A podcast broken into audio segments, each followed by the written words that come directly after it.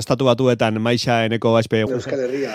eta Euskal Herrian Uxune Martinez. Edari energetikoak. Bai. Jende ikusten dugu, gaztetxoak edari energetikoak edanez, eta ikerketa bat egin dute, edo hasi dira ikertzen, Bai. honek ze kalte eragin ditzaken eta bar, ez da? Konsumo handia dago. Esaterako esna egoteko, indarrak berpisteko, eta, bueno, zer da edari energetiko batez, ba, ez dago oso argi bere definizioa, ero bintzet ez dago zehaztuta araudian. Edari freskagarrien barruan sartzen dira. Badakizue horrek eh, burbuiak dituzte eh, edari ho- horien barruan ero tarte horretan eh, sartzen Bai. dira, ez?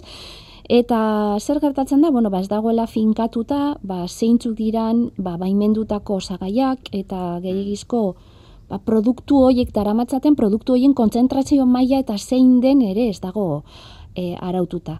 Alde batetik edute kafeina, kafeina da euren osagaie nagusia, ba, berreun eta berrogeta mar mililitroko edari baten, ba, eren bat, e, irurogei mililitro bat, ba, kafeina dira, ez? Baina horrez gain badituzte beste osaiga, osagai aktibo batzuk ero ez, eta, bueno, ba, alde batetik, estimulatzaileak, ba, taurina ero guarana bezalako estimulatzaileak, ero nutrizio gehigarriak e, eta batez ere ba, jinko eta jinsenen oinarritutako nutrizio gehigarriak, badute ere aminoazidoak ere badituzte, ba, L-karnitina adibidez, eta azukrea. Azukrea asko izaten dute, ez? Edari energetiko hauek azukre asko daukate. asko izaten dute. Eta bueno, ba, produktuen etiketan eh, jartzen duten osagai koktel honek ez digu emoten kontsumitzaileoi pista larregirik esatez, bueno, honen edari honen zeregina ero bete beharra zein da Ja. Ikusi dute kontsumo ikerketek eta esaterako e, osasun eh, arloko erakundeek puntu-puntuan egiten dituzten e, kontsumoa jakiteko nondik nora doan, ba, ikerketek esaten dute ba, edari hauek sekulako kontsuma dutela batez ere gazteen artean, hau da asko kontsumitzen e, dituzte. Esaterako estatuan, Bai. Badago ikerketa bat, kontsumo ikerketa bat, estudez deitzen dala, eta bertan, amabi eta hogeta hamar bitarteko gazteen arteko kontsumo aztertzen duela. Eta hor ikusi dute, amalau eta amazortzi urte bitarteko ikasleen artean, oso ohikoa da onako onakoen produktuen kontsumoa. Amalau eta emezortzi urteko Hamalau- gazten artean, ohikoa da, da. edari energetikoak edatea. Bai, eta ikusi dute, esaterako, astero kontsumitzen dituztela. Eta batez ere, nagusia da kontsuma mutilen artean. Begira. Tarte honetako mutilen e, euneko ber, ia berrogeta amaikak kontsumitzen ditu edari energetikoak. Energetikoak, mhm. Eta nesken kasuan euneko hogeta emeretziak. Zer gertatzen da, ba, e, ikerketek esaten dutela, ba, e, o, zerak kalte ordainak dituztela honako Ja, ja. edariek e, abantaiak e, baino, ez? Nik gogoratzen naiz, bueno, gure garaian ez zegoen edari energetikorik, baina freskagarriak bai. Eta Bai. adibidez Coca-Cola, ez da, denok Bai. eran nahi izaten genuen, eta gurasoak Bai. eta ez ziren oso aldekoak izaten. Ez, ez. Esaten zuten, hori oso noizean behin edan behar da, oso noizean behin edan behar da, ez? Hori da. Bazekiten zerbait, edo susmatzen zuten zerbait, ez? Bai, bai, bai, bai, Bai. bai, bai. Eta, bueno, badakizue, e, Bretaña handian, ero erresuma batuan, e, zelan isunak jarri dizkioten, ero behintzat e, hainbat edari freskagarriri, batez ere, azukre mailaren gatik, ez? Zenbat azukre kantitate duten e, zer horrek, ez? Eta hori dela eta, ba, bertan, egin dute horrelako ikerketa, ero berrikusketa handi bat ikusteko, e, zelan e, alde batetik e, azukrearekin e, arazoa dute obesitatea dela eta eta edario hauek e, ere badutenez azukrea, ba ikusteko zein da neuren kontsumoa, ez? Esan ez, bueno, benetan gure gazteek zenbat kontsumitzen dute. Ba egin dute horrelako berrikusketa handi bat, oin dela aste batzuk kaleratu da e, aldizkari zientifiko baten, eta zer egin dute? Ba, egin dutena da 2000 amairutik 2008 batera, amazortzi urtetik beherakoen edari energetikoen kontsumoari buruzko azterketa ikusi dute, ez? Bai. Esan dute, bueno, orain arte ikertu eh, ditugu hainbat urteetan honen kontsumoa eta ikerketa guzti hauek zer erakusten e, dizkigute. E, bederatzi datu baseetan gordetako informazioa bildu eta aztertu dute, eta beste alde batetik, bueno, ba ikusi dute ere kontsumoaren prevalentzia zein da. Prevalentziak zer esan gure dau. Prevalentzia da arlo epidemiologikoko e, kontzeptu bat eta horrek esan nahi du populazio orokor baten barruan talde baten, ba gaitz bat, e, e, gaixotasun batek ero ba kontsumo batek zen bat dirauen, ez? Osea, zein zein dan e, portzentai hori ero ba zein dan kantitate hori, ez? Eta bueno, ba zer ikusi dute? Ba ikusi dute alde batetik mundu mailako datu batzuk ere ikusi dute eta esan dute mundu mailan mm. orokorrean umen aurren, eh, euneko amairutuk iruroketa saspi bitarte horretan, edari energetikoak kontsumitzen dituztela. Eta batez ere, 2008 bat garren urtera begira egin zuten azterketa, ba, 2008 garren urtean munduko umen euneko amairutik iruroketa saspik kontsumitu zituzten edari hauek, hau da, edari energetikoak.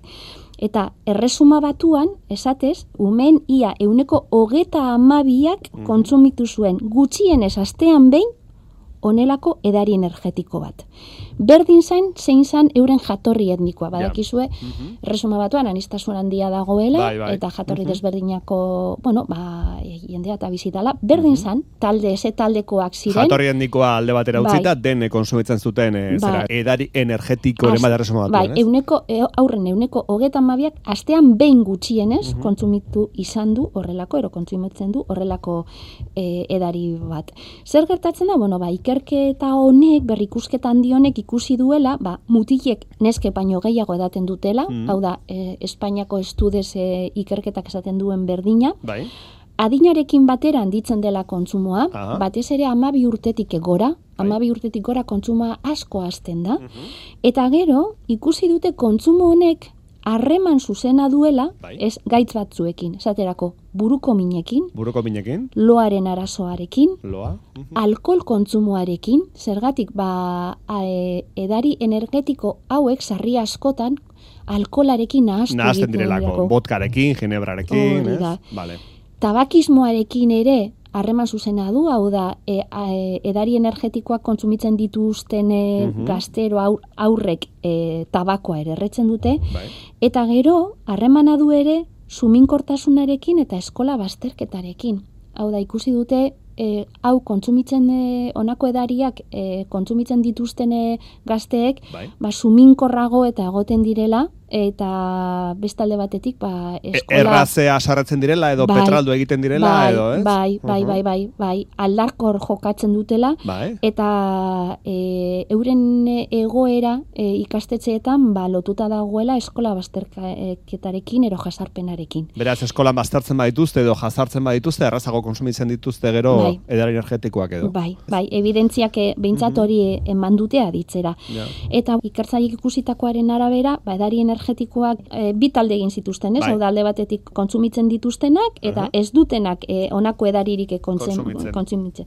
Bi taldeak alderatuta ikusi zuten astean bost egunetan edari bat hartzen zuten gazte hauen batazbesteko notak ere, e, hau da, eskolagetako emaitzak bajuagoak zirela kurtzoak gehiago errepikatzen zituztela, osasun mental eta fisiko txarragoa zutela, eta, bueno, ba, euren ongizate orokorra askoz ere kaskarragoa zela besteekiko ba, alderatuz, ez? Zer gertatzen da? Bueno, ba, ikerketa hauek erakutsi dutela harreman bate dagoela, edari energetiko honen kontsumoa eta beste hainbatek gauzekin, baina ikertzaiek bai esaten dute, bueno, ba, orain arte egin direne ikerketa hauek e, oso epe laburrekoak izan direla. Hau da, ez dituztela e, ikusi zeintzuk diren ondorioak, ba, behin hogeta hamar urte bete ondoren ez, gazte hauek e, osasunean eta izan ditzaketen e, ba, eragin ero gauzekin, ez? Bai. ez Denbora epe luzagoak hartu behar dira Hori da, hori da. Bai. E, honek daude begiratuta, ba, epe laburrera begiratuta mm. daude, ez? Mm. Eta, bueno, ala ere, esaten dute, ba, bueno, ba, ikerketa mailan ba, dagoela zerrobetu, baina mm. kontsumo honen oinarrian ikusten dala, ba, gazteek gero eta gehiago erateten dituztela, edari energetikoak, eta osasunarekin, e, lotuta duela eta gaitzak eta pairatzeko arriskoa dutela batez ere ba Vale. loarekin arazoak, estres maila gehiago Mhm. eta e, oldarkotasuna eta ba Bueno, batez ere eta portaeran eta ikerketetan e, horrela adierazten da Mhm. publizitateak ero behintzat ematen duela, ez, ba, panasea bezala merkaturatzen direla, ez, Ah. hainbat e, ba, gauza eta konpontzeko, ero, bueno, ba, gure osasuna ero hobetzeko e, bezala zertzen dira, saltzen direla, ez, ba, nekea ba, murrizteko, Bai, ero, mhm. errendimentu fisikoa eta ba, konzentrazioa hobetzeko. Oso eta- publizidade erakargarria egiten dute, bai. Ero energia ematen dutela, ez? Eh. Eh, honakoa edan eskero, ba, energia ze Bai. bete, bete egiten gaituztela, Eh. eta, bueno, ba, hor gaudela indartzu, ez? Baina, kontuan izan, baiestapen hori, eh, horiek, publizitate kontua direla, eta ikerketek ez, dit, ez dituztela honakoak berretzi ez eh, Aha. esaten. Hau da, ez dago inungo oinarri zientifikorik hori esateko. Vale, Beraz, vale, beraz, esaten digutenean, agintzen digutenean edari horietako batek energia emango digula eta suspertuko Bai. gaituela, horrek ez Bai. dauko oinarri zientifikorik. Publizia hutsa da. A ber, kafeina du eta badakizue kafeina suspertu egiten gaituela, hau da, Bai. ez narazi egiten gaituela eta hori ez, baina e, inondik inora honako e, edariek ez digute ematen indarrik eta bueno, esan dezakegun euren kalteak onurak baino gehiago handiagoak direla. Bueno, Maixa, erantzine duzu zerbait gai honi buruz edo zerbait esan edo eh, ez dakit zerbaitek atentzio eman dizu edo E, adibidez, e, bidaiatzen, konturatzen zara zelan beste herri batzutan serioski hartzen dituzten gai hauek, eta esate baterako, ba, horrelako edariak erosten dituzunean, gogoratzen duzu zelan e, e, tabako pakete hoietan datorren e, ba, nola baiteko iragarki kakotxen artean hori, ez, esan ez, ze, ze txarra den gure osasunerako, ba, berdin egiten dute beste herrialde batzuetan, esate baterako esan ez, ba, e, zelako azukera kantitatea duten, Aha. eta bar, eta ez dut ulertzen zergaitik ez dugun egiten hori Aha. gurean. ere Beraz, bai. tabako Eh, pakete baten, e, zera, tabako pakete baten argazkian e, edo e, paketean jartzen dugun bezala, ez dakit, Mm. ba, igual, ba, tumore baten argazkia edo birika belztu baten argazkia jartzen dugun bezala, jarri ditzagun edari energetikoen botila hauetan oso mezu zuzenak esan ez, hau oso kaltegarria da, bueno, kaltegarria da honek azukre asko dauka eta kontu Bai. zibili, Hori eta, da. ez? oso mezu zuzena jarri, ez? Mezu zuzena esan ez, zein den azukera kantitatea eta zein txarra den azukera kantitate hori. Ja, bai, ja, ja, ja. bai. Zientzia eta ikerketa jakina eskutik eh, helduta doaz, e, maixa eta ikerlariei beretoki egin behartzaie, eta ez Estado Espainiaran egin dute Estado Espainiareko ikerlari onenen zerrenda bat, eta Bai. begiratzen aritu zara hor, ze izen Euskaldun ageri diren, ez da? Bai, horrela da, e, CSIC-ek, e, Consejo Superior de Investigaciones Científicas, estatu mailako zientzian e, guazen esatera nire ustez organo garrantzitsuena dena, kaleratu du estatu mailan zeintzuk diren e, aipamen gehien jaso dituzten emakumezko e, ikerlariak eta zientzialariak. Eta bertan, zerrenda horretan, ba, topatu ditut zeintzuk diren e, Euskal Herriko e, top bosta, guazen esatera, emakumezko ikerlarien top bosta. E, lehenengoa, e, Raquel Urtasun da, e, bera Torontoko unibertsitateko irakaslea da, eta bera da aditua e, adimen artifizialean. E, makinak eta kotxeak automatikoki ibiltzeko e, ba, era efizienteak eta zehatzak e, topa, topatzen ditu Raquel Urtasunek. Oso e, bitxe iruditu zait, e, 2017 garren urtean, Uber, enpresak fitxatu zuela eh, Raquel Urtasun ibilgailu autonomia autonomoak aurrera ateratzeko. Begira. Bera gainera talde baten liderra da enpresa honen barruan. Mhm. Nafarroako unibertsitatean ikasi zuen eta gero e, Lausaneko Eskola Politeknikora joan zen, oso Eskola Politekniko prestigiotsua da, Aha. e, bertan e, e, Suizan, eta bertan egin zuen doktoretza. Gero gainera bi postdoktoretza egin zituen MIT-n eta Kaliforniako unibertsitatean hemen e, e, Berkeley, e, ni bizi nazen tokitik oso gertu. Konforme. Eta gainera, e, pilo bat sari e, jaso ditu Raquel Urtasunek, ba, besteak beste ba, Google edo Amazon bezalako enpresek saritu dute bere lana. Vale. Raquel Urtasuna, adimen artifizialen aditua. Beste pertsona bat behar bada askorentzat ba, ezaguna dena, Miren Dorronsoro, Eh? e, berak egiten du lan e, Eusko Jaurlaritzan, osakidetzan, hain zuzen ere, eta munduko sortzi mila ikerlari honen artean dago, eta Espainiako top eunean dago.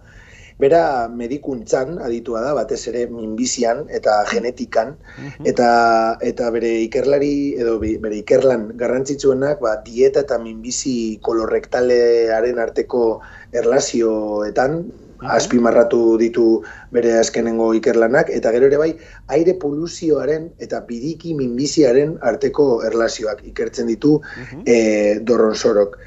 Gero, e, irugar, Euskal Herriko irugarren postuan agertuko zen e, Amelia Martí, bera da e, Nafarroako e, Unibertsitateko irakaslea, eta jakiak ikertzen ditu. E, batez ere, e, jakiak eta loditasuna, e, dieta mediterraneo eta nutrigenetikan ere aditua da. E, justo usunek jorratutako gaiaren inguruan ere bai e, ikerlanak ditu, eta dieta eta telomenoren arteko loturak ikertzen ditu. Telomeroak gogora dezagun direla, gure DNA kateko azkenengo parteak, nik beti jartzen dut adibide berdina, imaginatu gure zapatilen sokak, ez, gogoratzen, edo ikusten baduzu zuen sokak, bukaeran daukate plastikozko mm. bukaera ah, bai, puntatxo bat, ez? Hori da, puntatxo hori, ba, gure ADN-ean, gure DNA-an, ere bai berdina dago, puntatxo hori mhm. moduko bat dago, telomeroak e, deitzen direnak, eta kontua da, e, ba, besteak beste adinarekin, joatzen direla, joaten direla laburtzen mm -hmm. telomero horiek. Ba, bera, e, Amelia Marti, e, ikusi ditu zelan e, dieta ez osasuntxuek ere bai laburtzen dutela telomero hauek. Beste era batean esan da, dieta ez osasuntxu horiek egiten dute ba, e, pertsonak ba, zahartzea harin. Vale. Antzeko gaietan diardu, laugarren postuan dagoen e, Carmen Pérez Rodrigok, bera Euskal Herriko Unibertsitatean egiten du lan, eta bertan ere bai lortu zuen e, medikuntza doktoretza. E, bera aditua da umen nutrizioan eta obesitatearen arteko e, loturetan. Uh ganera, estatu mailan arlo honetan zientzialaririk garrantzitsuenetariko bada, eta bere azkenengo lanak e, oso aipatuak izan dira ere bai. Eta azkenik, e, bosgarren postuan, maite garai gordobil, bera Euskal Herriko Unibertsitatean ere bai egiten du lan, kasu honetan psikologia arloan egiten du lan, eta bera aditua da ziberbulinean. Ah. Bulinean, sexismoa, eta besteak beste e, bere ikerlanak e, e, bere ikerlanek jorratu dute e, LGTB fobia eta bulinaren arteko erlazioak. Beraz, e, mm omenaldi bezala, e, ba, ekarri ditut bost izen... Eta esan duzu, e, CESIDek, hori da Espainiako zientzia lorreko erakunde nagusia edo, eta horre egin du zerrenda bat, mm estaduko ikerlari onenen zerrenda, eta hort batu dituzu bost emakume euskaldun hauek, ez? Bai, eta gainera, bost emakume, Euskal Herriko emakumezko bost ikerlari hauek, mundu mailako zientzia sozialari garrantzitsuenen arteko zerrendan ere badaude, baina eske uh Espainiar estatuko zerrendan top hogeita marrean daude. daude. Eta Espainiar estatu, Espainiar estatuan eh, emakumezko zientzialari asko daude. Eta hemen beraz, eh, gure omenaldia, bai. gogora dezagun bost izen horiek. Youtuberren izenak edo futbolarien izenak ikasten ditugun bezala, ikasi ditzagun ikerlarien izenak, eh, maixa, errepikatu. Ba, Raquel Urtasun, adimen artifizialean bai. aditua, miren dorron soro, medikuntzan, minbizian aditua, bai. Amelia Martí, loditasunean aditua, Carmen Pérez Rodrigo, ere bai, nutrizioan, hori da eta obesitatearen arteko loturak, eta maite garai gordobil, e, ziberbulian, bulian, eta sexismoan aditua. Aditua, bueno, ba, ea, ikasen ditugu Izarrak, izarrak, eta benetan inspiradoreak guztiak. Os ongi, ba, jarraituko dugu beraien bidea, eta ea, izen horiek ongi ikasten ditugun. Usune, maixa, ba, azte honona pasa. Et... Bezarka da erraldoi bat. Ondo ni bili. Agur, agur.